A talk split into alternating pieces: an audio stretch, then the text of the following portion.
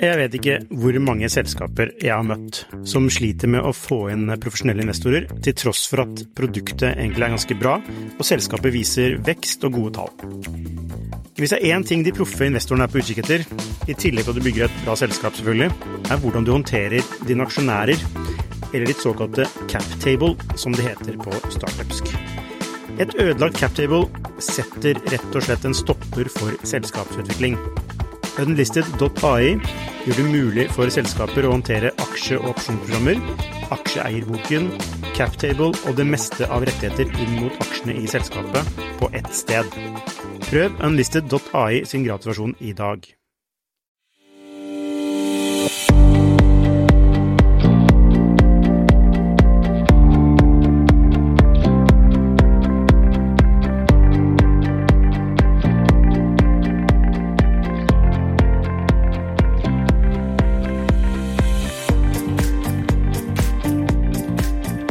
Hi, and welcome to Shifters podcast. In today's episode, we're going to talk with Audrey Camp.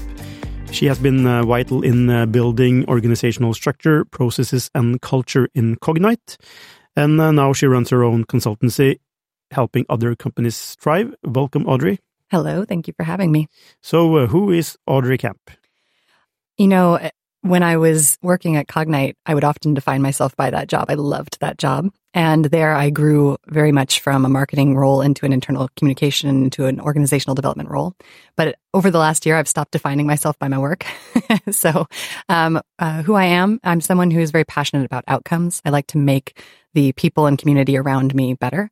Um, and the way that I do that with companies is that I arrive with communication as a lens and I treat every workplace challenge I find as a communication exercise. Um, so for me, I'm a I'm a rock climber. I'm a mom. I'm a wife. I'm a friend and a sister. Um, and I do define myself by those things first. Um, my writing is my vocation, and communication is my passion. So I love using those things in my work, but always toward the outcome of the companies that I work with. Um, and I like that I'm able to divide myself by those passion areas again. Um, but I'm excited to talk about the Cognite journey as examples of some of this work. Um, and uh, and so thank you for having me in to talk about it. It's interesting that your background is in communication, mm -hmm. and um, uh, I've spoken to a lot of leaders, and uh, what everyone says is that communication is the most important part. Mm. Communication, communication, communication. Why is that so important in leadership?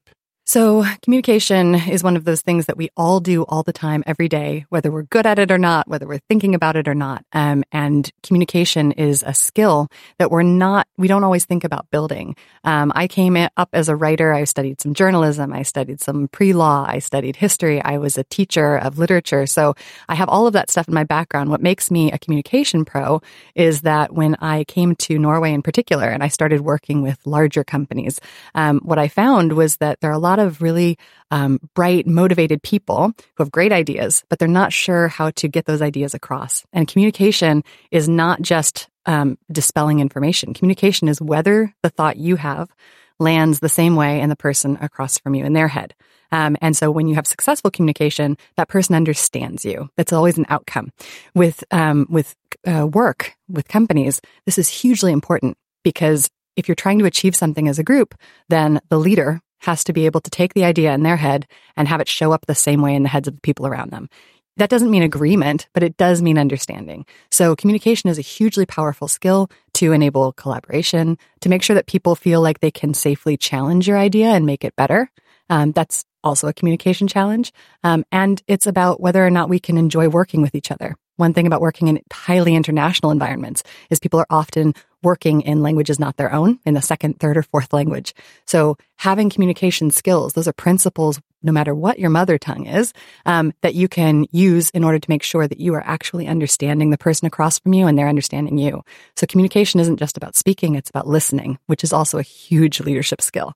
Um, so I think that for, for me, when I think about communication as people do, they invoke it a lot. They're like, this is really, really important. But what they're saying is, you know, often people, someone who's really good at speaking on stage or someone who's really good at answering a question, articulating something. That's true.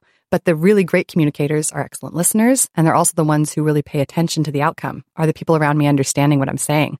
Um, so that's to me why it's so important for companies to uh, keep communication as a focal point. Yeah. So uh, communication uh, is more than speaking on stage. Oh yeah. Uh, yes. And but um, would you would you consider communication like the most important super skill a leader can have? I, I think it's the most important skill anybody has. I think everyone has the capacity for leadership inside them. And if you are the person in the room who can understand the people around you and what they're trying to achieve, and if you can be the one who um, expresses yourself in a way that everyone can understand, you often become the leader. That's been my personal experience, and I've also seen it in the in the lives and, and habits and behaviors of the people around me people who don't often think of themselves as leaders because they're not the loudest in the room, um, but they are the most thoughtful and they do take into account the different viewpoints around the table. Um, they seek out voices that are not being heard and make sure that they distill them into one idea. Um, those are the folks who really end up leading the day or at least influencing an outcome. Yeah. So, in your in your uh, perspective, what does a great company look like? Ooh, that's a good, that's a good one. So for me, the best companies are the ones that they have a true vision. They understand exactly what they're out to do. Uh, they, they can imagine the world in a, in a way in the future that they want to be a part of changing and, and improving. Um, and so they're very visionary highly innovative, creative, working together, lots of collaboration, very healthy collaboration. And every person within the organization understands their connection to it. So this is, these are some of the ways that when I'm evaluating culture, when I visit, um, I say, okay, you know, so the leaders seem to have a good handle on what they're trying to set out to do.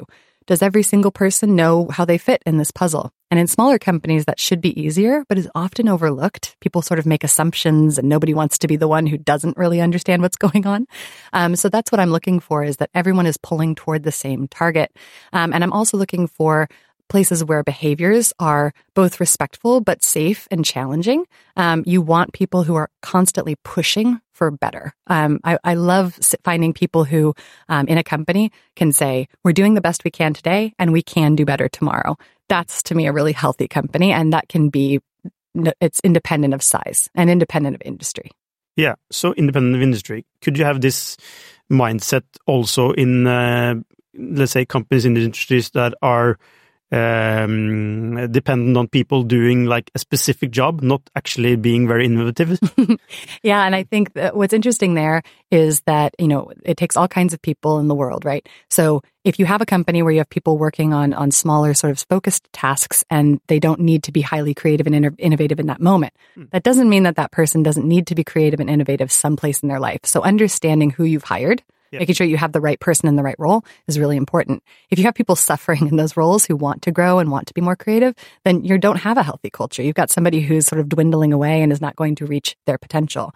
So I, I, you know, I think that you can have a really fantastic culture where not every individual has to be highly creative in their role, but you should know whether or not that person needs that for their own personal sense of reward. Does that make sense? Uh, absolutely, yes. Uh, so let's try to make this uh, awesome company. Yeah, let's do it. so what what do we start with? We start with goals and vision, or sorry, vision and mission. Yeah, I mean when I when uh, so I work um, as part of my work, I, I work with uh, with a company and organization called uh, Corporate Spring, and one of the things that we do is we say we should start with the vision and the mission and the purpose. So this is what is the company all about? What is their sense of identity? What is their why? And this is something that um, if we're building a, a company or, uh, from the from the ground up, um, you can have a great idea for a technology, or you can have a great idea for a service. You can have these great ideas, but why are you coming together to deliver them is a really essential question to building a, a healthy culture that's going to thrive beyond sort of any initial enthusiasm. It's like a, a love relationship. When you fall in love with somebody, right? You have all that immediate enthusiasm. You're going to see them all the time. You're going to talk to them all the time. They are on your mind a thousand percent.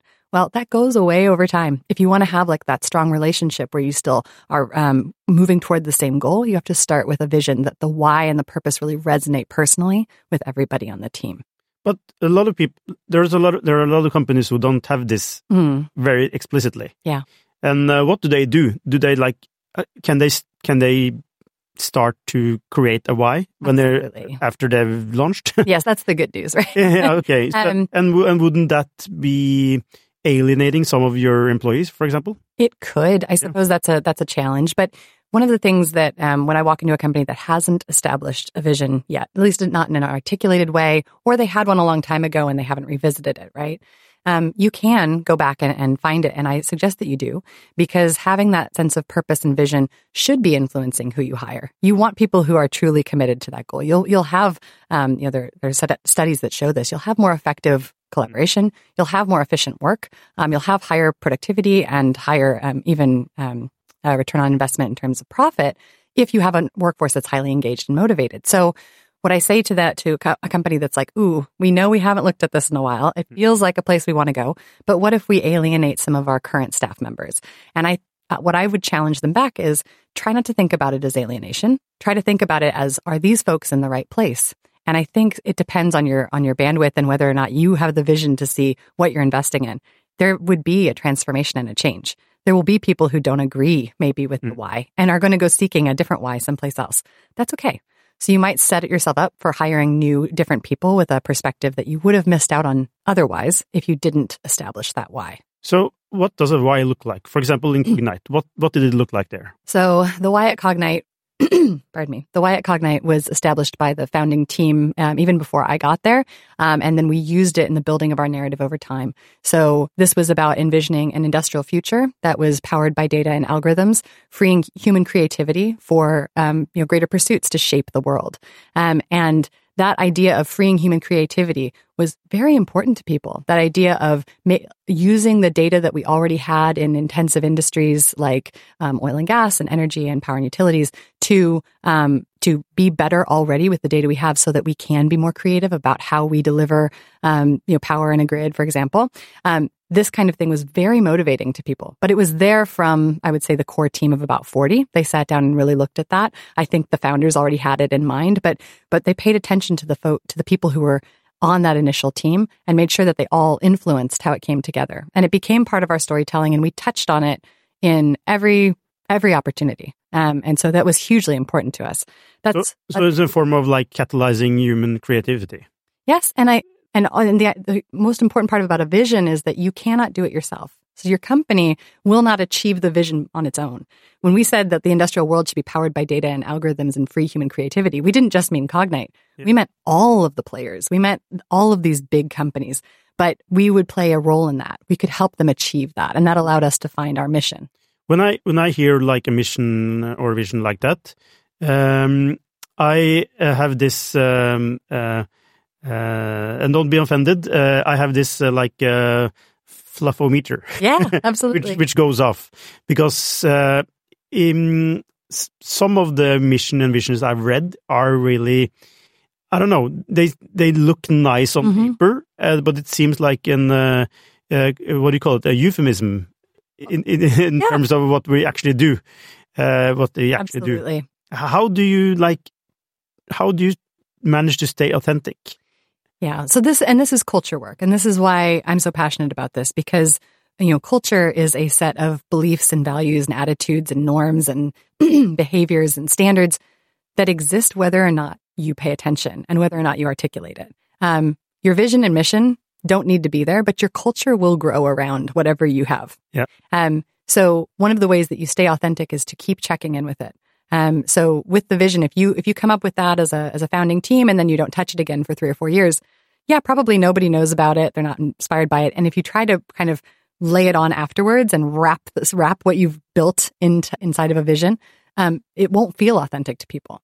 And that's why you have to include your workforce in it. And, you know, Cognite is an example of a company that went through hypergrowth um, in just three years, you know, tripling in size. And that was one of those things where we had to constantly check in and say, is this still meaningful? And the way we did that was by building the vision and mission into t- touch points around, um, you know, goal management, around um, onboarding for new uh, new cognitors.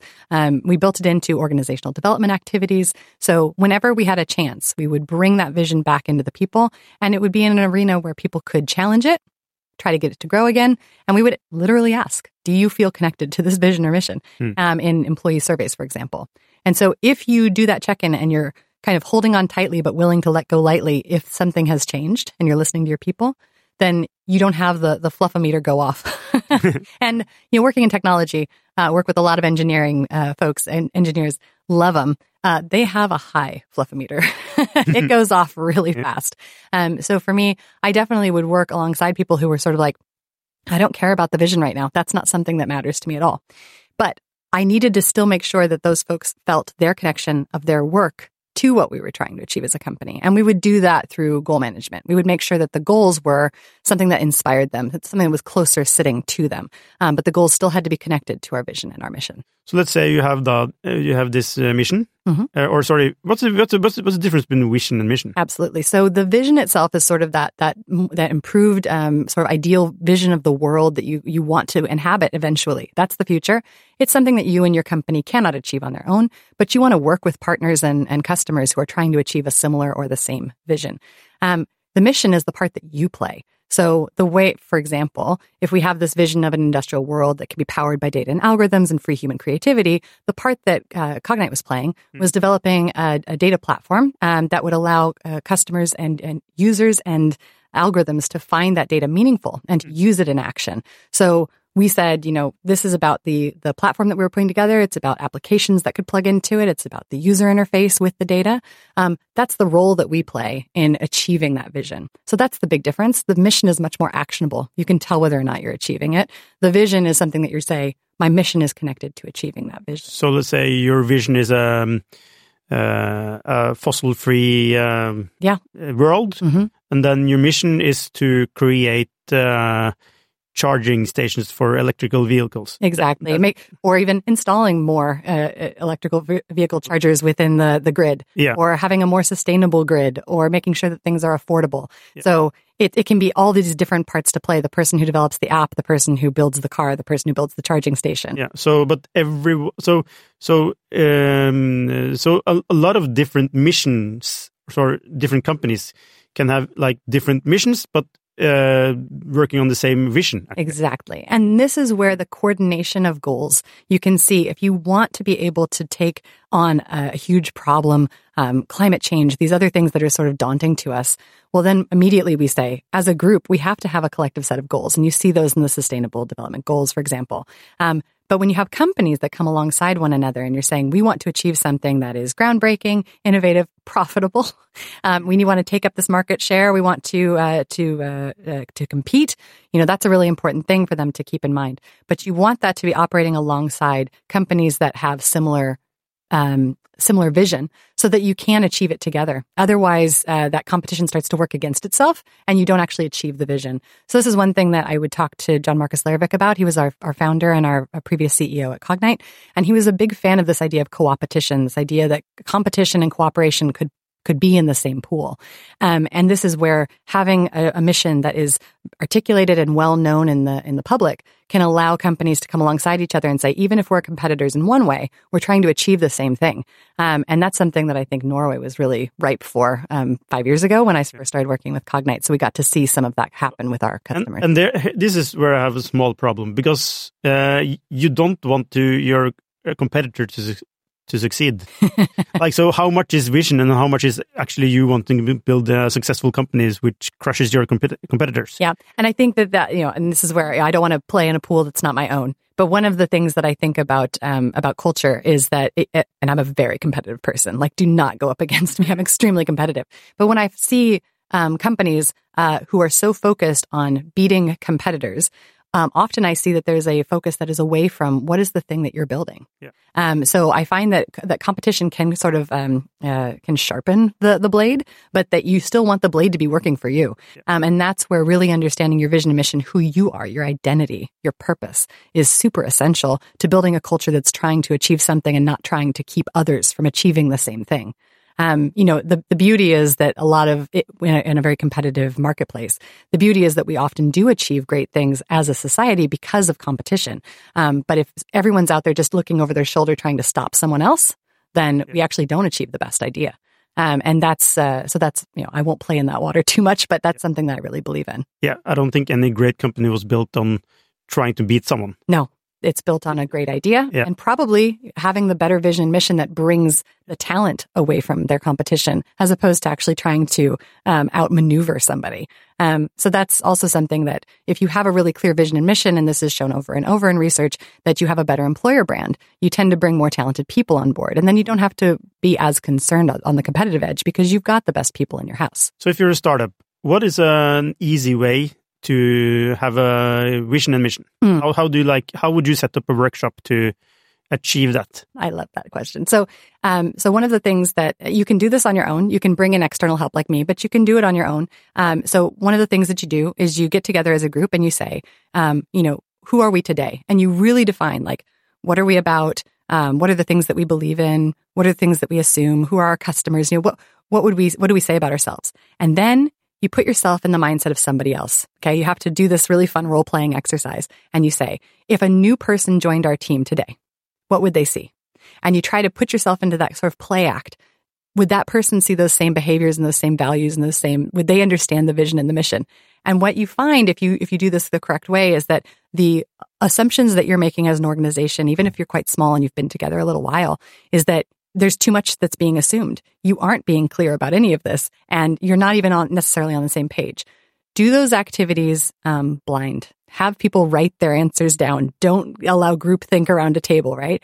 And then share what you've actually written. Um, what I find is um, when I'm in there and I facilitate this, um, and it really does help to have external eyes and voice in the room.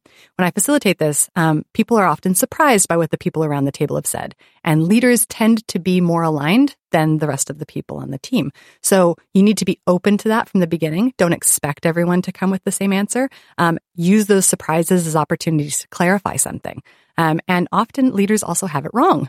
You know, so it takes a lot of humility. Sorry, what, what was the question? Like, what, what? So if you ask yourself, for example, um, what, what is, uh, so what is our product? It's usually an easy thing for people to answer. Yeah. What does our product do for our customers? Slightly harder question.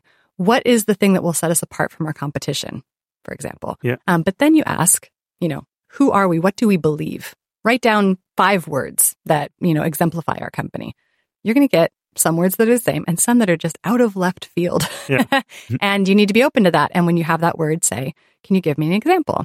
Um, I was in a workshop where, you know, we had some, uh, I was a group of about 15 and there were people around the table and one of them said, uh, you know, they were all saying, oh, trust. And they were saying, uh, uh, yeah, uh, trust was a big one. They were saying um, self motivation or something like that.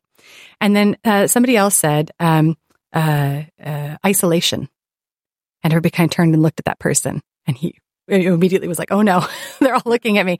And because I was there, you know, I kind of keep everybody like, "So what do you mean by isolation? What is an example of that?" And he said, "Well, you know, we we like to have focus time, um, but often that means that we don't reach out to one another when we really need each other." And that is a really vulnerable thing to share in a room.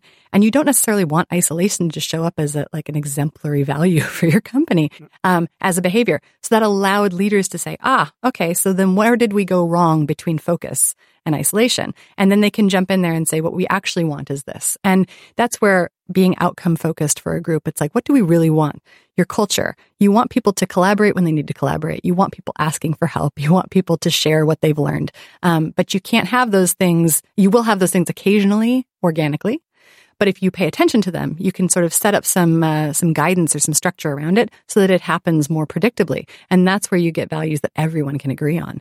Um, and this is where, you know, I would say for even small organizations, having a cultural touch point like an employee survey or something so that you can actually ask your, your people questions like this that are open ended once a year, uh, twice a year. And you'll see over time that that changes. When you're a small company, it can be hugely influenced by the hiring of a single person, for example. Yeah, but do you also? So now we're in, now we're touching upon values, Mhm. which are really important and interesting in, in terms of culture. But um, if you go back to the like the vision and mission, how do you like arrive at a concrete vision and a concrete mission? Yeah. So I think the the most important thing is to um, is to remember that there are no wrong answers from the beginning. You want to get lots of, of uh, ideas on the table, um, and it really does help to have somebody who has a marketing or communications background in the room because they're the ones who can take um, lots of different ideas and find the like core truth, a kernel within all of it, um, and put it into an expression. And you would like it to be um, less than a sentence long, something that's memorable uh, to you. Um, so when you are sitting down and you have sort of, you know, a brainstorming session after you've done the good work of like, who are we today? Who would somebody else see us as? The question really becomes, who do we want to be? Because a vision and a mission are both aspiring. Yeah. Once you've achieved your mission, then you need to move that goalpost a bit so yeah. that you can still be striving towards something. So the question is, who are we today? Who might somebody else see us as today? Um, who do we want to be in the future? And if that's where you take your your product, your service, whatever you're creating, and you say, in the future, what will this do? Um, and you start to you have to live in this creative space where you're envisioning a future. You're playing pretend. What does that actually look like? And it really helps again not to have leaders um, uh, changing the weather with their own ideas and sort of trying to influence what everybody else is thinking. So they need to be the quieter voices in the room. Sometimes it also helps, depending on the size of the team, not to have the leaders in the room for a while, um, and to let people really put down their ideas. If if if you're talking to, uh, you ask them questions like, you know, if you're t- if you're telling somebody across the table what you do for a living, you know, can you what do you say? Well, what do you say to that person when they say, "Well, why are you doing that?" Yeah. And I think that's where you go back to this, you know, the Simon Sinek why. Like really drive that down. Um, and that's again something where if you have a designer on your team, they're trained in design thinking. They're able to, they've done user interviews. You know, these are people who are excellent listeners and they're the ones who can drive you toward a why. So pull on the expertise you have in your own teams. Marketing communications is one, uh, design is another. But do you like agree upon the vision and mission there at the workshop, or is that something do you get, just get input and then you and then the you work on it and then you give it back? So, uh, I've done this in larger organizations and I've done it in smaller teams. And sometimes you really can f- find almost exactly what you want to say within a single, you know, three or four hour workshop. It depends on how well prepared you are in advance or how much, how, how close you are to the origin of your company. If you're going retroactive with a few years of history, mm. this can be harder to get to. Um, and the larger organizations, of course, have bureaucracy. So what I would say is like count on doing ideation in a workshop space and having it be a, a really fun, engaging, and sometimes, you know, um, really taxing exercise because you're using muscles that you're not used to using. Um, be prepared to step away. Um, I was reminded recently of this um, great set of like, what does good writing look like? If you're going to send a memo, what does it look like? And there was this one rule that said, you never send or publish the same day you've written it. No, yeah. so I highly, I highly agree with that. Um, so if you come up with some great ideas in the room, um, step away. Hmm. Take a take a couple days. Take a beat. Uh, let people have uh, feedback about it in that span, and then revisit. And I think with cooler head um, and with input on it, then you can actually distill very quickly. Yeah. Um, and it, again, it depends on how prepared the organization is to talk about their vision, to talk about their mission. And there are exercises that you know um, my counterparts and I would come in with um, that can help you get into that space. When you take people out of what they do every day, you know, at the keyboard, working on the thing, and you say, well, now we're going to have these imaginary, you know, yeah. forward thinking exercises, um, it can sometimes backfire. They're not prepared and then they don't come with their best ideas. So there are ways to warm that up. And that's usually the toolbox that I would bring to the table, for example. Okay, warm that up in in in advance. in advance. Mm-hmm. Okay, so you send them out some material that yeah. they can. Uh, okay, think so about what, it this what, way. What would like what would that look like, for example? So there, there are some different things. So one thing that you can do is uh, is send uh, you know a pre-read that's about like what is vision and mission, just to get them to go through that. And a lot of times people will not read what you send them, and then that doesn't actually help. But the people who actually are highly engaged, they will. Other things you can do is do activities in the room that help people to sort of use different parts of their brain. So I will occasionally do like an improv exercise with people, or we'll do an icebreaker of some kind where they have to introduce each other.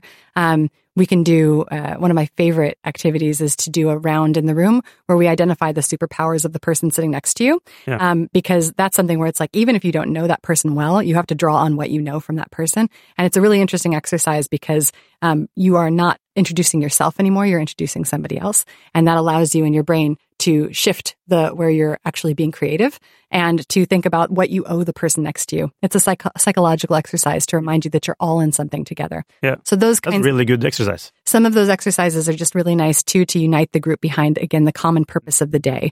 I'm a hugely objective, fo- um, like um, uh, the outcome focused person. So whenever we get into a room for a workshop with me, I always begin with who are we today and what are we trying to achieve? And I will revisit that multiple times through the day. Yeah. And I encourage any company, small company leaders who are trying to do this themselves, remember to start with that outcome and to remind everybody the, the role that they play in that outcome because that's how you unite a team behind a common goal, even just in the short term. Yeah.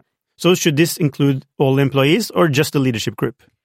I would never just include the leadership group, but at the same time, um, it's really important that the leaders understand who they are in this space. So depending on the on the size of the company, I'd say you can pull the leaders out and have them run this themselves as well, but never, never, never just pull from the leadership group. When you have a top down uh, formulated vision, mission, values, even goals, um, you lose the urgency and the ownership from the workforce. Yeah. Um, if they don't, if those words did not come out of their mouths, um, then they're not going to feel connected to it. And that's true whether or not their performance is based on the KPIs you come up with.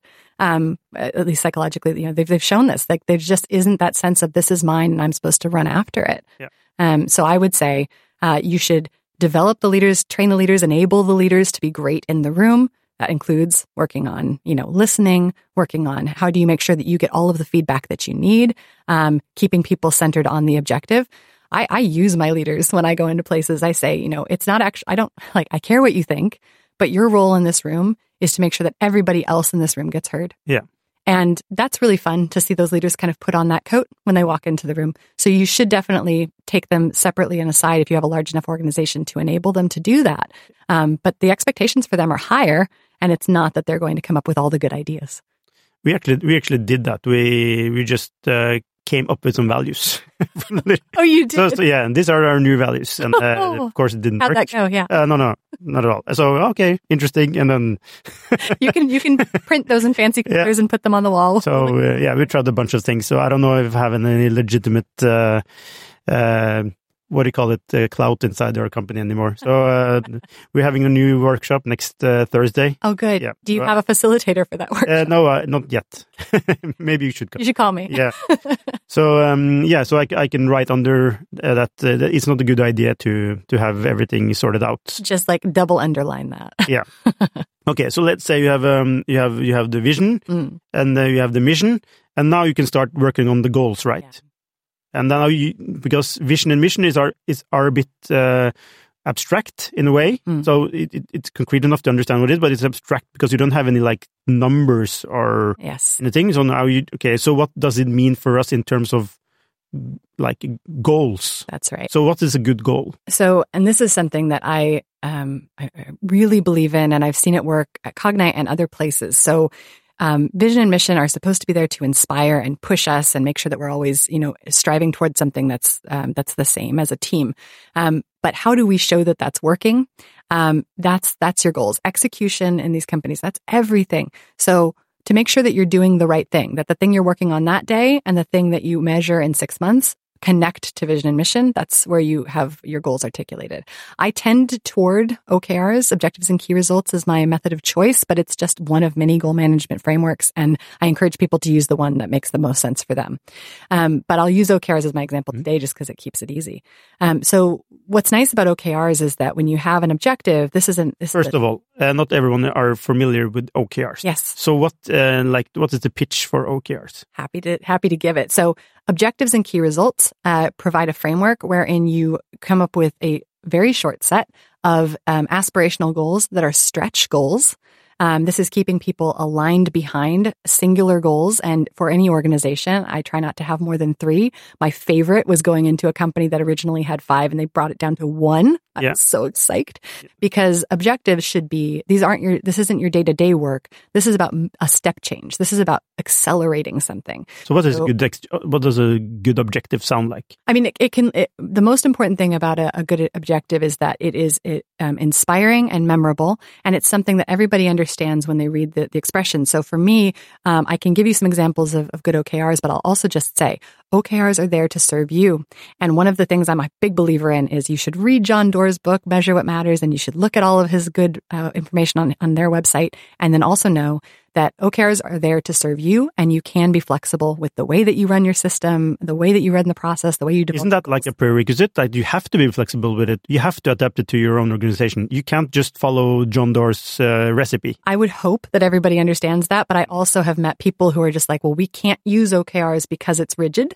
Yeah. Um, or, or we tried that and it didn't work because our needs changed over the course of the year and we didn't update the goals. So there was just this huge gap. And I, I'm sitting there going, you should, you should adjust your goals, right? Yeah. But this is not, it's not as, uh, it's not an assumption. So let's just remind everybody, be flexible with yourselves. It's there to serve you Okay, so you have the objectives, Yes. what you're trying to achieve. and it's a destination. Yeah, so that's the O in OKRs. Objective. Did we, did we get to that point in the, in the distance? right? Okay. The top of the mountain. Yeah, so for ex- what's an example for a non-objective? Object- So this could be a big product release. Do, you know, do we have you know uh, 3.0 of whatever we've got out Yeah. there in the world? Yeah. Um, you know, that can be a stretch for somebody. Um, if it doesn't stretch you, that shouldn't be your objective if you're going to achieve it anyway. So for some organizations, it can be around, you know, we take up, uh, you know, 75% market share. Yeah. Woo, so so the, so so it's actually something you can achieve, because that's the difference between uh, uh, a, a vision and a Mm. goal. Oh, it definitely should be within your power to achieve it. Yeah, within a, within a certain time frame. but it should stretch you.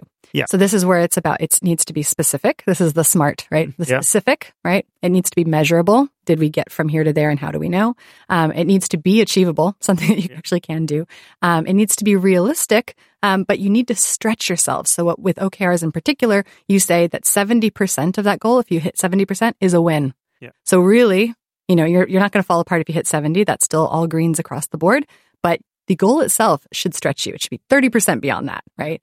And, and um, psychologically, what you see is that when you have something that's a spot that's aspirational like that, as long as the team is focused on it, they can push past and get there. And so you do have teams that will suddenly they'll get to 80% when they wouldn't have if you hadn't asked for 100. Does that make sense? Yes, And then the time bound piece. That's like uh, aim for the um, stars. Yeah, shoot for the stars. Yeah. Yeah, Well, and my okay, so and I'll also just say like my favorite example of an excellent ob- objective is um, if you go back to John F. Kennedy's uh, speech, the President Kennedy in, in the in the states in the '60s, and he said, "We're going to bring take a man to the moon and bring him back safely." Yeah.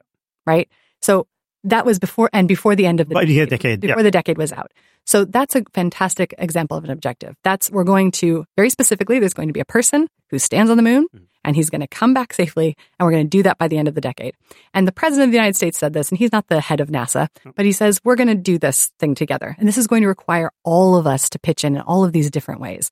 And from there, you look at oh, well, then we need to achieve something mathematically and something technologically and something with our you know the the actual building of the vehicle. We have to train people. You know, there are all of these different pieces to that puzzle, but everyone understands we will be able to measure success by whether that person comes back safely. Isn't there like a story about uh, one? I don't remember, but one guy asked uh, a, a janitor working at NASA, Mhm. NASA, "Wha- "What's your job?" And he said, um, uh, "Putting a man on the moon." That's right. And I think when everyone feels that aligned to your goals, you are winning Yeah. as a culture. Um, and, and that's that level of ownership as well. So I think, um, you know, that, and that metaphor of the, um, of NASA, uh, falls short eventually. so I won't stretch it too far, but it's a really good one because this helps people to understand, oh, it's, it's very aspirational, but it's also clear and it's simple. Yeah. If it's something that, you know, every single person can't, uh, call to mind, then you've already lost them. Yeah. So they need to be able to understand, like, that's the thing that we're But but you said, uh, for example, seventy-five percent market share. Mhm. That has some com- competitor element in it, right? Sure. because sure. it's a market. Uh, is that a good goal then? So, I, and this, that's a great question. So, if I was sitting in a room and people were in a company that I didn't know well, but I was there to advise them, and they said, "Well, we want to be able to say that we take up this much market share by you know X date," and I would say, "Okay, well, how close are you to that now?" You know, what are the challenges standing in your way? And I would evaluate that with them.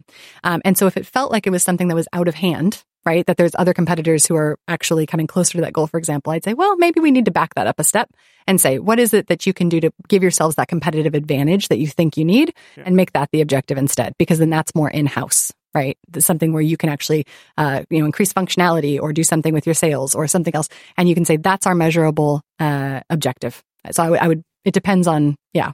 If I was talking to somebody about that, I would say, so tell me a little bit about the landscape. Yeah.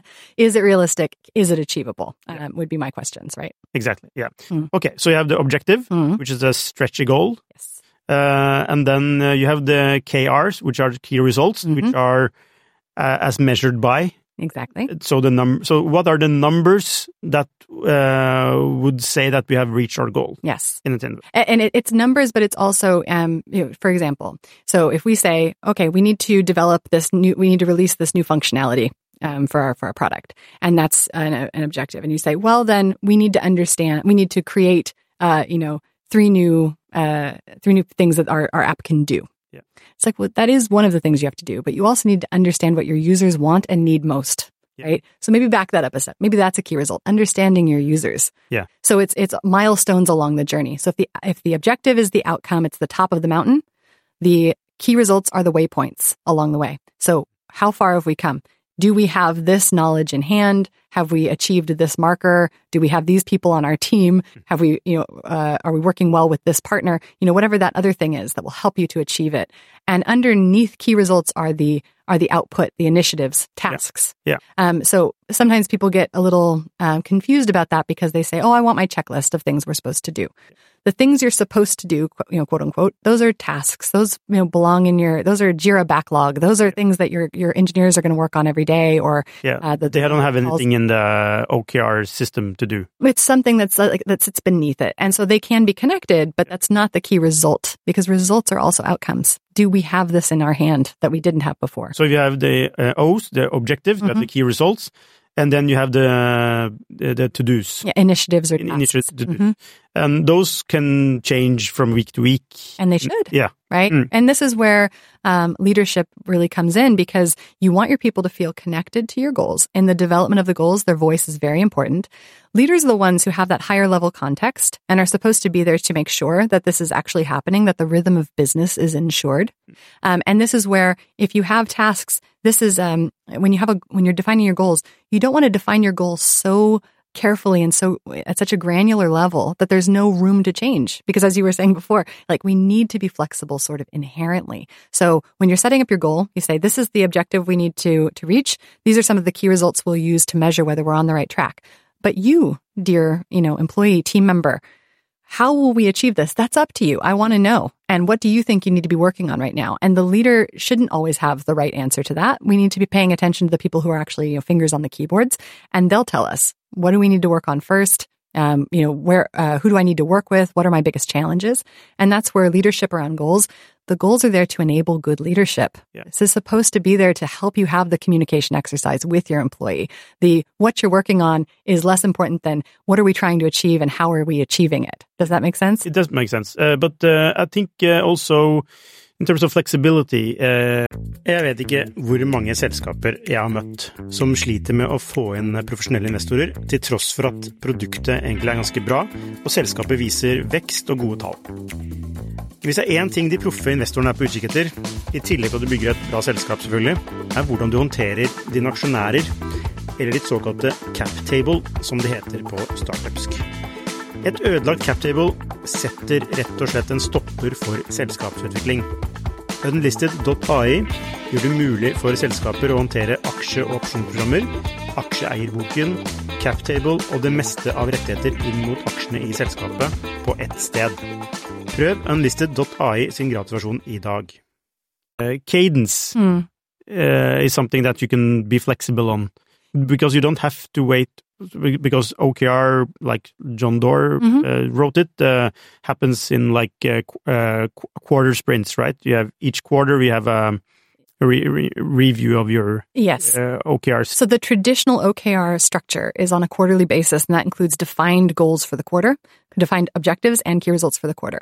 So I, I've done that. I've worked in a quarterly framework. At Cognite, we actually did a more flexible model where we said we would do a six month horizon, so biannual definition Yeah. OKRs, and we used the quarters as more of a check in. Are we still on the right path? Yeah. Do we need to change anything?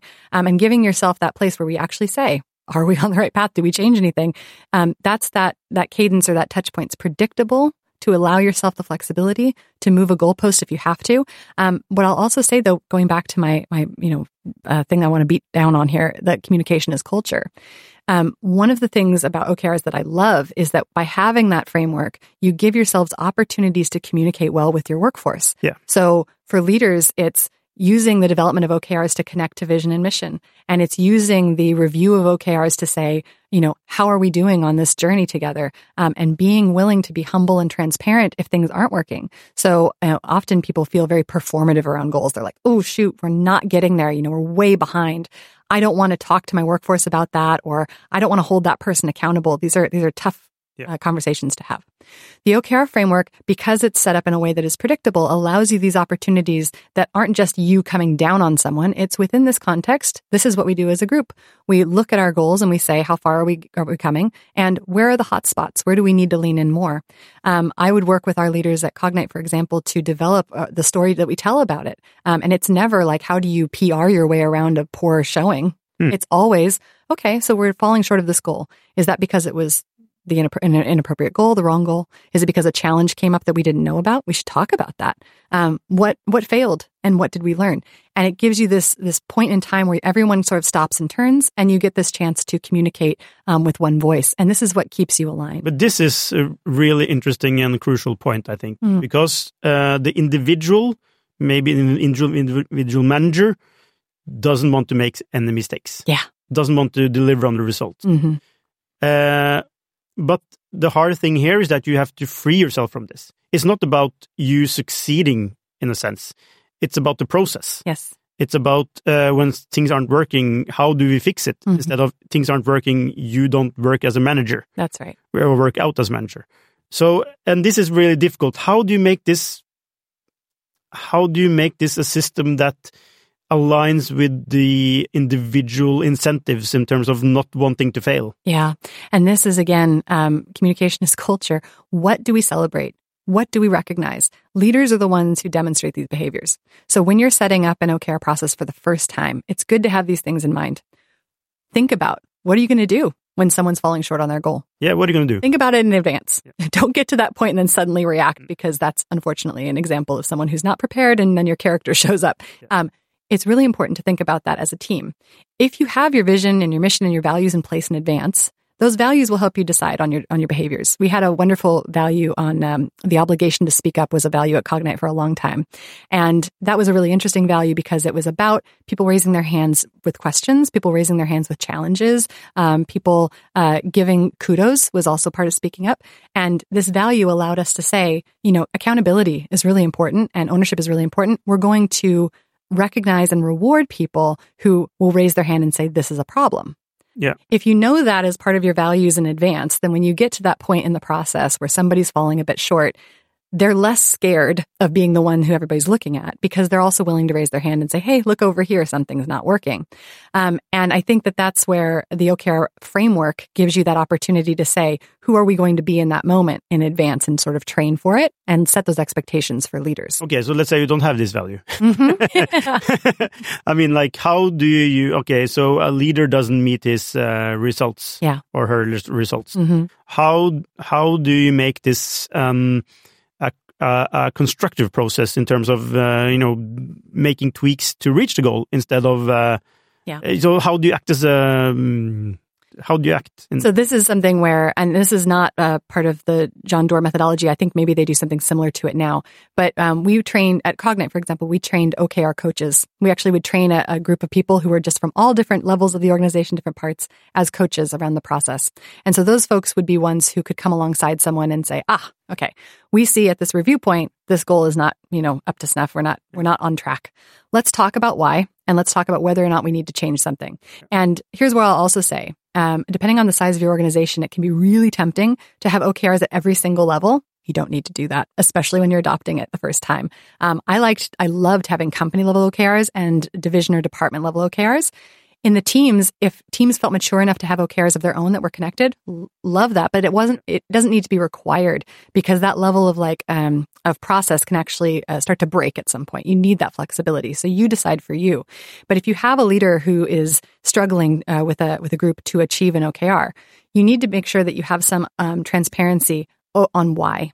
And this is where you make sure that within the process of review, you're asking good open ended questions. You're not asking, what did you do wrong? And you're not asking like, who's failing over here? You enter with curiosity. This is why I love curiosity as a value. And you exit with the firing, no? and this is like, this is what everybody's afraid of. Mm. And I think, and this is what we say about healthy cultures, right? What does psychological safety even mean? It doesn't mean that everybody is, you know, wrapped in bubble wrap and, and everybody get, and nobody ever gets fired or their feelings hurt. What it means is that in almost all uh, occasions, people are going to be respected yeah. Um, and that there's not going to be knee jerk reactions. There will also there will always be due process, due diligence. There will always be an opportunity for people to speak up for themselves, um, and that we reward both uh, success in the more you know um, uh, expected or traditional sense, and the people who say along the way we fell short and we learned something. Yeah. Um, when you have uh, when you have a culture that will say I know this is going to be a really tough time for this team over here. they have they've, they've set a really ambitious target for themselves. Let's keep an eye on it. Yeah. Um, in the process of developing that goal, you identify dependencies. You say, um, one of my favorite things in evaluation of OKRs is asking, who do you need to work with in order to achieve this? Yeah. Who are you most likely not going to be able to you know, get their time? Um, asking those questions as you develop your goal can help to ease some of that. But then you also know as leaders, ah, they told me that this was going to be a challenge. I suspect that there's something breaking down in that collaboration. And as a leader, you can walk in and say, so tell me, what's, what's challenging you right now? What is, what is the obstacle in between you and this goal? And they might say, you know, hey, I got resources pulled off of my team that I wasn't expecting. Yeah. Well, that's out of their hands. So what can you do as a leader in that moment? That's not on them. That's for you to come alongside and say, let's own this together. Let's adjust that goal. Yeah. And I think that that's where having this, uh, you know, a framework of quarterly or a cadence of quarterly touch points um, gives leaders the opportunity to behave the way they want to behave so that they're not always reactive. They're being proactive about it. Yeah. Would it be would it be safe to say that if it's if you're not learning anything, then you're failing? I mean, I would say that. Yeah, I mean, like uh, if it's if if so, that has to be the goal. So even if you're you know, because it's not about success or failure, Mm-mm. it's about learning. Yeah. You know, if you're succeeding, you're learning why you're succeeding. If you're failing, you're learning why. You're, so you're learning why you're failing. So learning is actually the most important part of an OKR. And I, and that brings up something really uh, lovely around OKRs that um, that people don't always take advantage of. You might have OKRs in your organization right now, and you are missing an opportunity for organizational development.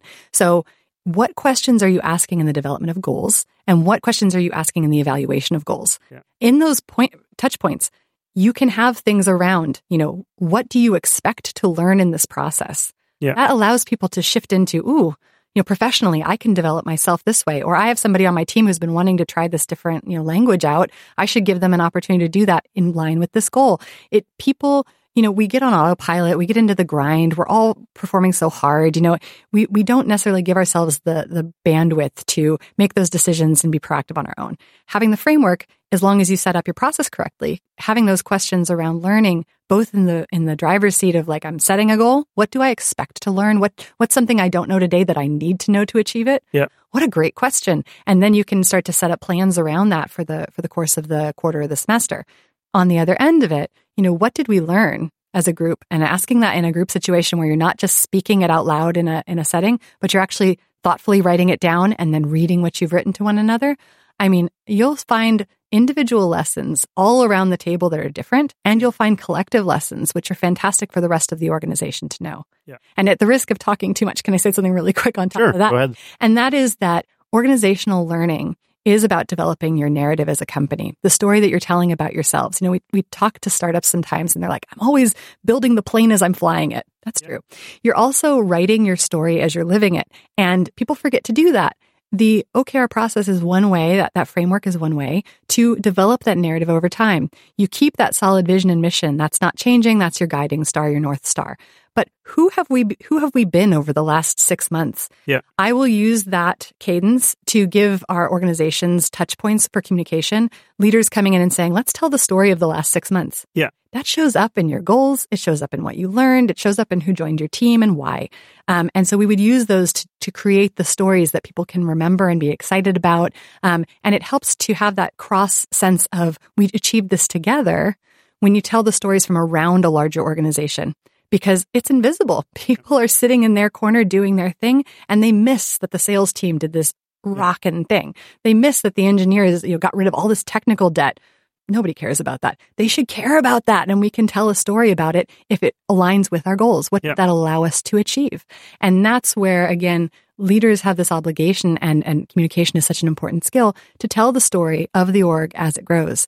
And I loved working on that at Cognite. I do a bit of advising on that now with other clients and I use goal management to uh, help them understand what did we do for six months?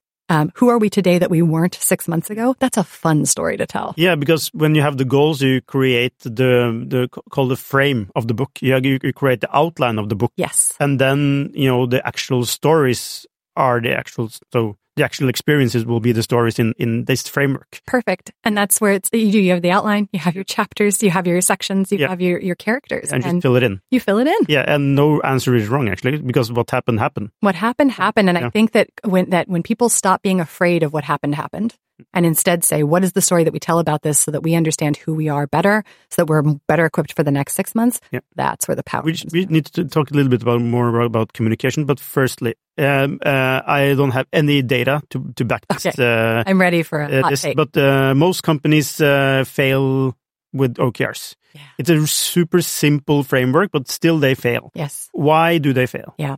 So, um, so I, in my opinion, and again, I don't have a ton of data to back this up either, but in my opinion, and based on what I've witnessed, um, OKRs fail because people feel either that it's too rigid for them, um, and they're just like, "Ooh, we're we're too flexible. We need to grow. We need to do these things," and they don't take the time to say, "Oh, I should adapt this process to my needs," um, and also because an OKR framework, even though the the idea is simple, the the framework is something that if you don't have expertise in that area, it's easy to sort of drop important components. So it can be really helpful to have somebody coach you through your first year or something Yeah. so that you actually can succeed with it around one revolution. You know, we talk about these flywheels. Once you have a process that's pretty well set up for yourself, then it starts to become, ah, this is a ritual. This is predictable. Everyone understands, ah, now I'm going to have an OKR check in. I know where that spreadsheet is. I know what my process is like. But the first few times you do it are really tough. And if you don't have people who have the bandwidth to do it, like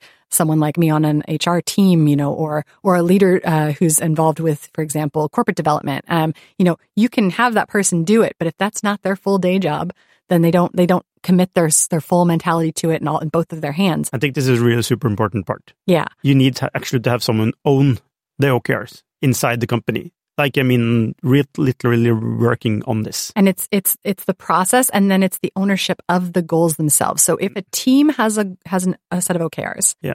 but nobody's name is on the objective to speak for it, Yeah. then you've already lost. Yeah. So it's ownership on all sides. And, and Okay, so you put a, you put a name on an objective. So we did uh, Yeah. at Cognite, and I and I recommend it now in any client that I go into, and it, it seems to be working really nicely. And what that what the important thing there is that you have an owner for the objective, you have an owner for each of the key results underneath it. Yeah. Um, those people should be different, Yeah. and those people need to know that ownership. And we are very clear about this, and in the way we define it, ownership there is not you are measured by whether this succeeds or fails. Oh. Your job is to ensure the rhythm of business and to be the one who puts up the hand to say something's not working, Yeah. or to be the one who tells the story when it does, Yeah. or to speak to the lessons learned. You're sort So- of uh, policing the You're you're you're a spokesperson. spokesperson. Yeah. Yeah, I would leave, I would leave police out of it. Yeah. Okay. Let's not make it scary. No. But I think, um, uh, but I think being a spokesperson, being the person who we expect you to advocate for the people underneath this goal. How how are they all working together? Do you need resources? You're the one who raises that hand, Yeah. and by having somebody's name on it, um, Has you- any, sorry, but has anyone ever said that they need less resources? Resources? Literally, no one has ever said that. Please take some of my people, they say.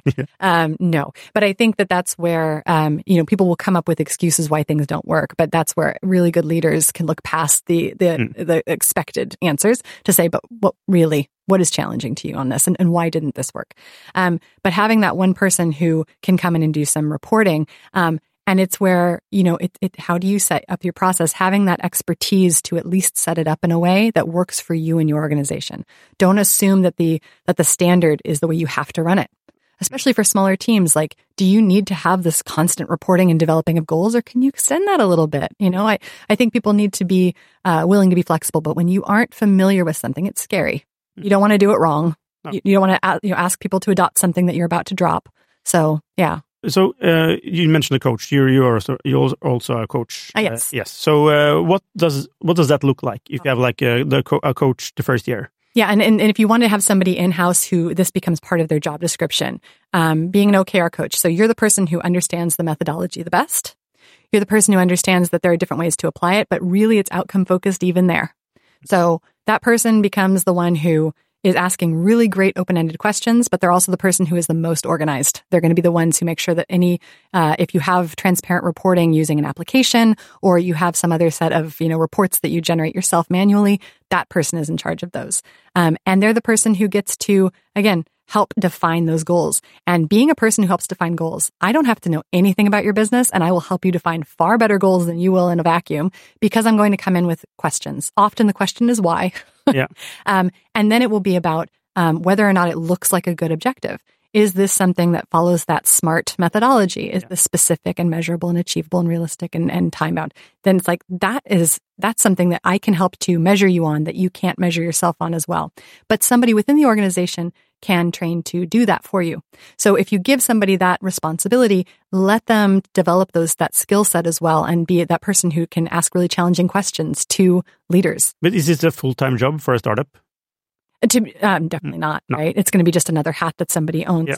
But if you have somebody who is, uh, I'll, I'll Yeah, what, I was about to define a? I was about to define a candidate, and I was like, oh, now I'm just describing like going to think I'm describing myself. Yeah, um, here's what I'll say: uh, you want somebody who is um, really cool.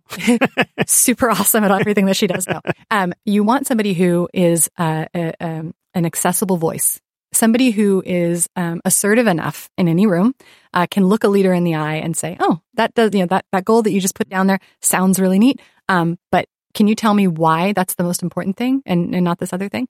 Um, so somebody who, who can uh, challenge leaders um, is really important. Uh, somebody who is uh, good at making sure that every voice in the room gets recognized. Really inclusive people, right? Um, and then somebody who uh, is very organized. Somebody who's like, not only am I helping you define these great goals, but I'm going to understand how they fit Yeah. between you and this other team. How are your goals lining up? And then asking your challenging questions to make sure that they actually are working in concert with one another. Yeah. So it is a it is So, so to the borderline of uh, obsessive compulsory You know- disorder. like you re- are you do you love details? I, I find that I find the details are very important. At the same time, someone who's incredibly outcome focused because you can get lost in the details, especially with something like OKRs. You can say, "Ooh, we didn't get every single checkbox on this report." That doesn't matter. No. Did you achieve your goal or not? You know, there, there. I've seen teams who have reached seventy percent of a goal in spite of themselves. Yeah. Okay, so that can happen too. Um, so it's all about did we work on this together? How did we do it together? And being somebody who is a, you know, again, this takes the growth mindset, right? Is like, I'm not great at this now. I'm sure that I can be. Um, somebody who comes in and says, I love to learn. I love to fall short and then I love to figure out why. And then I love to do better the next time. That's Yeah. really helpful too. So okay, so back to back to the OKRs. Mm. You are so you have like let, let's say you have a quarterly sprint, and then you revisit Yeah. your objectives, and you tweak on it, and you go for a new sprint. Yeah. Should you have like do you have a, like a yearly goal, or and which which are broken down into quarterly or biannually goals, or or do you have uh, different goals for each quarter? So we did it a couple of ways. We depending on how how far in the future can you see. Like I think for smaller companies, sometimes it, um, it's harder to see that year in the future, right? You just know this is my runway. This is as far as I need to get. But stretching yourself, really keeping your eyes on that horizon. What is it that you want to see?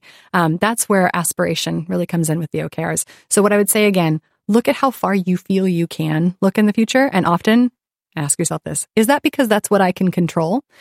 push yourself beyond that. Say, okay, so how much farther can I stretch? What do I really want? And that's another, you know, quarter away, another six months away. So if you can have an annual objective that's broken down by quarterly milestones, you're welcome to do it in my world.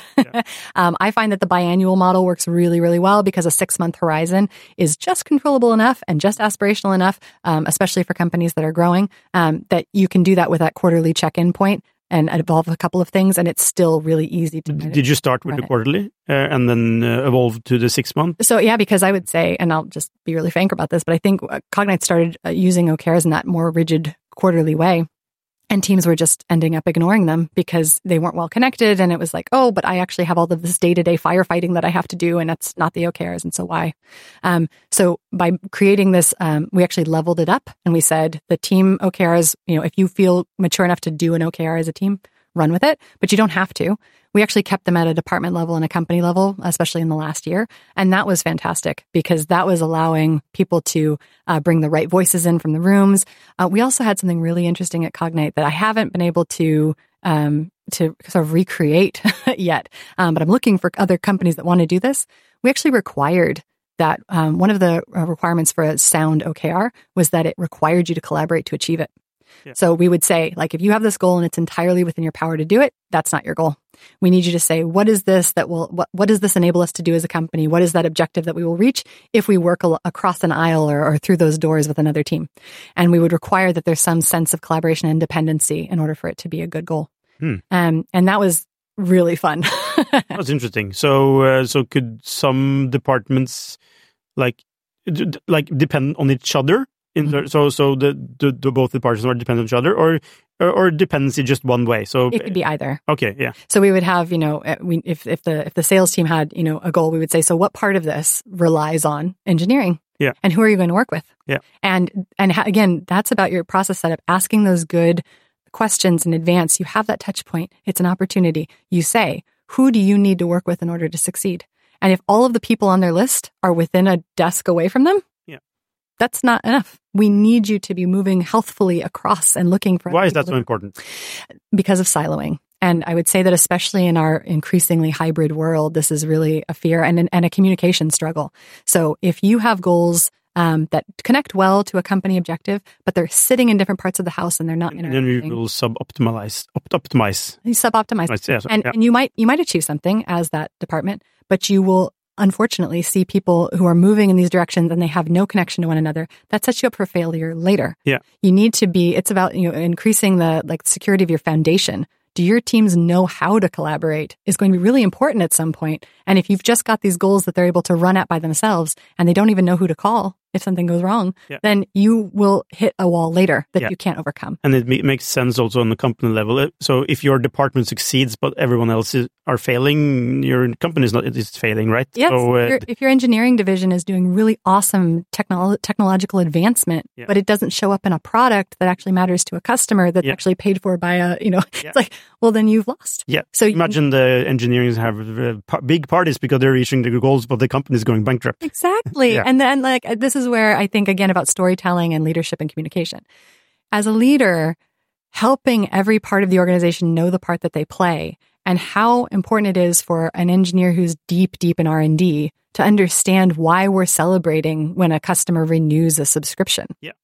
Like that, you can, you can ignore that if you want to, but it is a lost opportunity and it will become a vulnerability for you later. So let's talk a little bit about that. So, okay, so we, we- we've talked about missions and uh, visions and uh, now OKRs as a way to align and also um, execute. Mhm. Uh, but uh, um, the thing you mentioned now in terms of communication and uh, yeah, just the um, call it um, what we started with. Like you started, you know, communication is the most important Mhm. part of leadership. So how do you communicate? What what is like? Uh, do you need to have the vision, mission, and the way of execution s- set before you start to communicate and celebrate? And how do you do that? So, yeah. So I think the thing to remember, like as we were talking about in the very beginning, so communication, it's not just what you say, it's what the other person hears and whether you're developing a, a clear understanding together. So that's communication. It's an ongoing becoming, and we all do it all the time. So as a skill, it's making sure that you're communicating about the right things at the right times, that you're including the right voices, um, et cetera. And what you celebrate is just one example of, of communication that leaders need to take responsibility for and knowing when you're celebrating something whether or not the people understand why they're celebrating. I've seen this happen where you know uh, customer big customer signs everybody's ringing bells on the sales side but on the engineering side what they see what they hear when they hear oh a new big customer the engineers are actually hearing oh now i'm going to be uh, pulled off of the project that i've been working on. Now i'm going to have to develop something that i'm not ready for. It's not in our roadmap. We're giving things away. Like remembering that when you say let's celebrate sometimes people hear my work just got a thousand percent harder and I'm not being recognized for what I'm doing already. Hmm. So for, for leaders to say to themselves, um, when I say this out loud, what do people hear? What an incredible exercise. And if you take time as a leader just to do that, I'm about to go out with a, with a, you know, a communication to the whole organization. I'm about to send this, this email to everybody. What will they hear? And putting yourself into the position of different people around the org, can you think of their face and their name? How does that person sitting at that desk, how will they receive this? Will they even open your email? Yeah. It's a thought exercise that I think not enough leaders do in reflection. And and and one of the ways that you can mitigate is to be the person who says, I'm going to send out this communication in writing or I'm about to go out and talk about this. Before I do that, I'm going to float it with somebody. I'm going to bring somebody in who I don't always talk to. I'm going to bring that person in and just talk to them about this. How do they hear this? Yeah. And I think that those kind of uh, proactive choices as a leader around communication can help so much in helping you to understand and have your perspective. Will this land with the people I'm talking to? But aren't you then, then in danger of not being authentic? I mean, like, do you want to create a language which appeals to everyone, or like in every touch point? Mm. Uh, and and you know, then you will be like, uh, what do you call it? The I don't know if in English, but um, Do you speak Norwegian? enough sometimes to understand. Uh, Give it to minste, minste felles multiplum. like so, the, the lowest common denominator. exactly, exactly. Yeah. Uh, won't your communication be a little bit bland and boring? So Uh, that is the danger. And I'm and I always say when I'm doing communication coaching for individuals, I always say the best voice to work with is your own. Authenticity is something you can't buy. So you need to stick to yourself. At the same time, authenticity can turn can, can come off as you can be, come off as a real jerk. so there is this and this is the skill part. So you can say whatever you want, however you want and be very authentic and no one will listen to you. Hmm. But I'm authentic. You're incredibly authentic. You're all by Yeah. yourself. No one is following you. And a leader is defined by whether or not people follow, Yeah. right? You are not a leader if no one's behind you. So if you want to achieve the outcome, I am leading people toward this destination, then you need to know whether or not your message and your authenticity is working. I'm not saying that people need to change their voice. In fact, it's a very hard thing to do. And you often do come off as bland and sort of like uh, and forgettable. So you need to be compelling. And usually the most compelling version of yourself is yourself. That said, testing taking your message and saying, I want to say, you know, we're not, we're not doing enough. Ooh, that's a tough message to tell people who are burning out. So maybe instead of saying we're not doing enough, what is the thing you're actually trying to achieve? I'm trying to achieve that people are working on the right things more efficiently next year. Yeah. Okay. So don't say we're not doing enough. Go talk to some people. Which version of the way that you say that will achieve the outcome that you want? Yeah. You can still be authentic, but you just know this is a more successful way to talk about that than this. Okay, so you're you're you're speaking about, for example, so um, you're not doing enough is negative, right? And you're turning it into something pos- something positive. Mhm. How do we work better? Or do we work how better? right. And I would also say, like, uh, it depends on the arena, right? So you can, like, saying uh, you're not, we are not doing enough. It sounds inherently negative. It could be true. Yeah. That might be a real tough medicine that everybody has to take. Mm. But is that going to actually result in the thing that you want? Yeah. And I don't mean that you have to sugarcoat the thing, but you need to say it in a way that people understand. So if you're speaking to somebody who's been underwater, burning out, pulled off of project after project, and you say, we're not doing enough, Yeah. they're going to, you know, stop listening to you or not even open your email in the first How would how would you how would you rewrite? We're not doing enough. I would ask that person, I would say, what is it? So I would say to them, we have not achieved our goals. And here you're sitting here in front of me and you look like if I give you one more thing, you're going to fall apart. Yeah. So talk to me. What could we have done differently this year so that we could have achieved the goal from your perspective? Listening, sitting back, because that person is not going to say we're not doing enough. They're going to give you a different answer. And it's probably What could that sound like? we worked on the wrong thing. It could okay, be okay, yeah. you changed that that person might get real real with you but we you moved the goal marker too many times you brought in too many different clients you asked me to write uh, you know this for a whole new platform Okay, so you're putting the blame on yourself as a leader. Uh, you you go uh, you're open to it Yeah. you're saying so what is it that we did in a leadership role that made you feel the way that you're feeling because either way we acknowledge we didn't reach our goals Yeah. you know you see what i'm saying Yeah. so together you can collectively say we did or did not achieve our goals that's objective Yeah. but putting blame in places is going to put you in a sticky situation. Make sure that it's going to land with people who can have agency over their own workload. So the message could be we're doing too much. We're doing too much. Yeah. We're making too many changes. Uh, we're not focused enough. Yeah. And this is my responsibility as a leader. As a leader, what could I have done differently? And you can you can totally hold people accountable and say, you know what, we didn't move fast enough in this collaboration over here. You can say that. Yeah. However, you need to own as a leader what you need should have done first. Ultimately, is uh, your responsibility as a leader I think to so take too. take responsibility for everything that's in the company. uh, taking responsibility and then saying like how can we fix this together and and also never never never put blame on somebody in in a public forum No. and if you're going to have spoken to them in advance so they can with agency say i'm taking this responsibility in my leadership capacity Yeah. so again coaching moments. If you're in a if you're if you're in hot water and you know that you need to communicate something do some message testing and have somebody who's going to sit there and spar with you. And that can be a, an external communication coach like myself or it can be somebody in your organization. I came from an i come from an internal communications background and internal communication is something that can be really uh, overlooked and and boring and just sort of reactive. And it's somebody who's just you know writing up memos or putting together the intranet.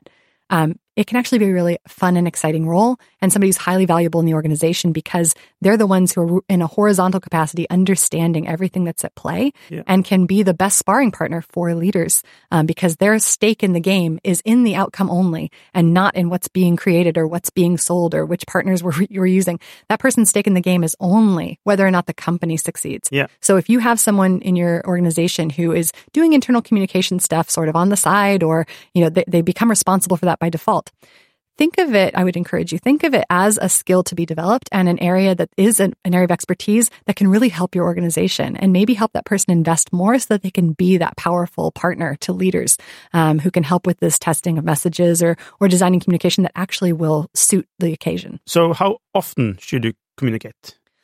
Well, I believe in constant and continuous con- communication, but depending on the size of your organization as a leader, um, if you're leading a, a, small team, you want to be in constant communication with those folks and make sure that you're not in a micromanagement role, but rather in a feedback loop role where you're constantly asking for information as well as giving instruction, as well as asking, you know, interrogative questions. Um, but for leaders in the um, in higher levels in an organization that's a bit larger, um, you your visibility and accessibility is really important to your ability to succeed as a leader.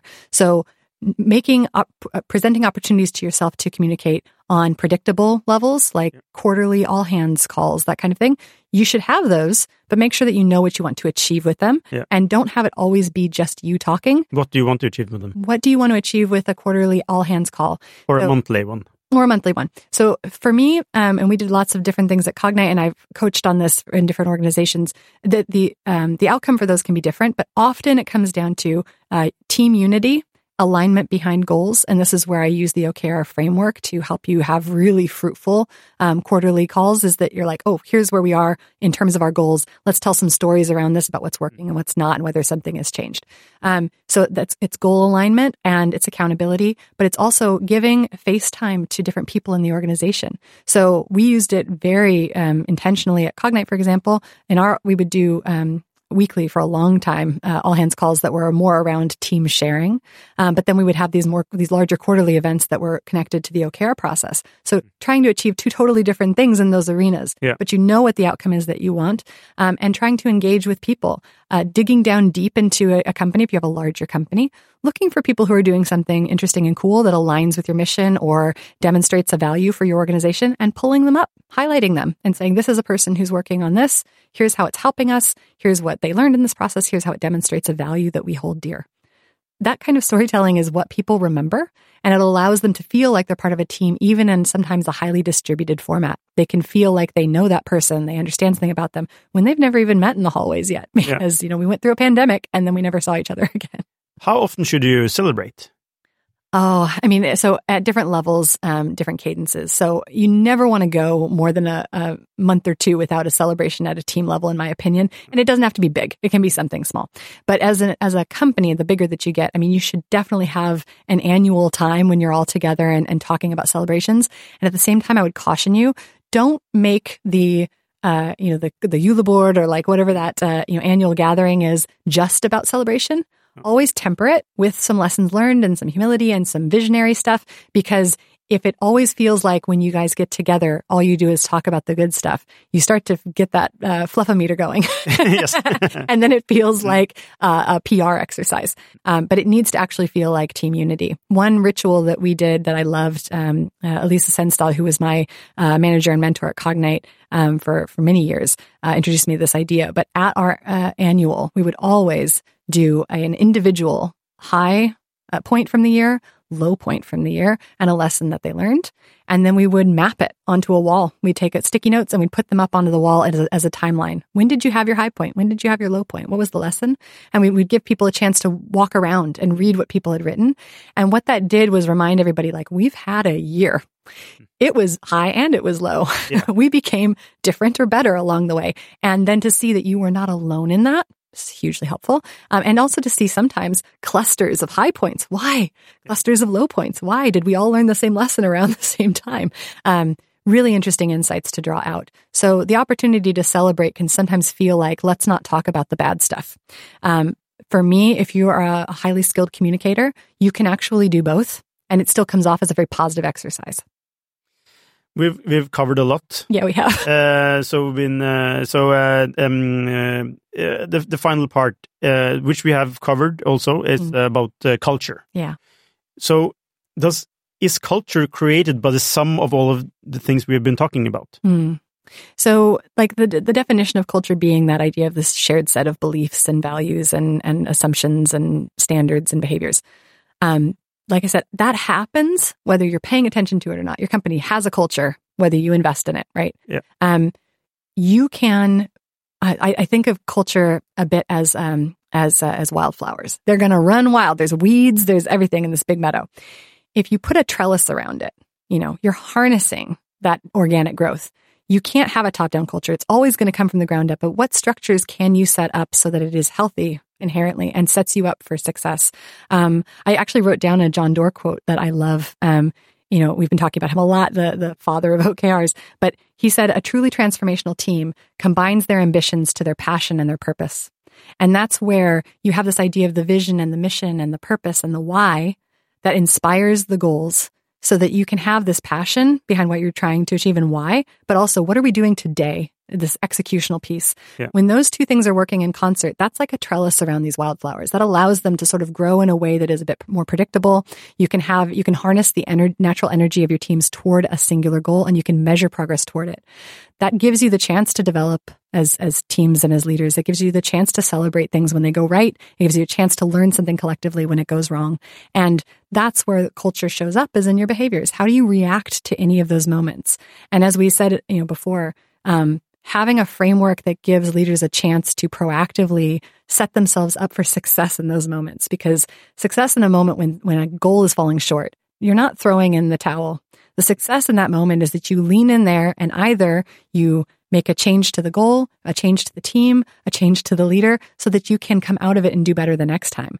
Um, and so people need to not feel like they have to, um, you know, have a knee jerk reaction in any moment. And when we're always fighting fires, then that's your culture. But if you give yourself a framework like a goal management framework like OKRs, then you can set yourself up to have cultural touch points where you get to be the best version of yourself and act in a way that connects to vision, mission, and values. Um, so for me, that's when I'm looking at, at culture and I think of communication as culture. That's what I mean. Yeah. Like how we are every day, that's our culture. But what are we doing intentionally to make sure that those interactions align with values that we want so that we can achieve the, the goals that we have for ourselves so that we can eventually meet that mission and that vision that we've set out for ourselves in the beginning. And yes, it's all possible if you have not done that previously, if it wasn't part of your origin, uh, you can retroactively do it. But like we said, don't do it top down. Engage the, the organization and use communication opportunities to have ownership around things like goals and around things like values, um, because people will feel like they are connected to it if they actually develop those things themselves and if they hear them and see them displayed over and over and over again. Audrey Camp, it has been um, really big pleasure having you in uh, our podcast. Uh, thank you so much for your insights. And uh, yes, uh, I wish you uh, all the best for the future. Uh, and I uh, hope that you will sometime come back to this podcast I and would- uh, share some new insights. I would absolutely love to, and I appreciate you having me on. Um, thank you to everybody who's listening because uh, this kind of a podcast is so important to your own personal development. Chalk it up. If you listen to this podcast, you're developing yourself as a person and as a, a professional. Um, we sometimes forget to do that for ourselves. So thank you again for having me on, and I would love to come back sometime.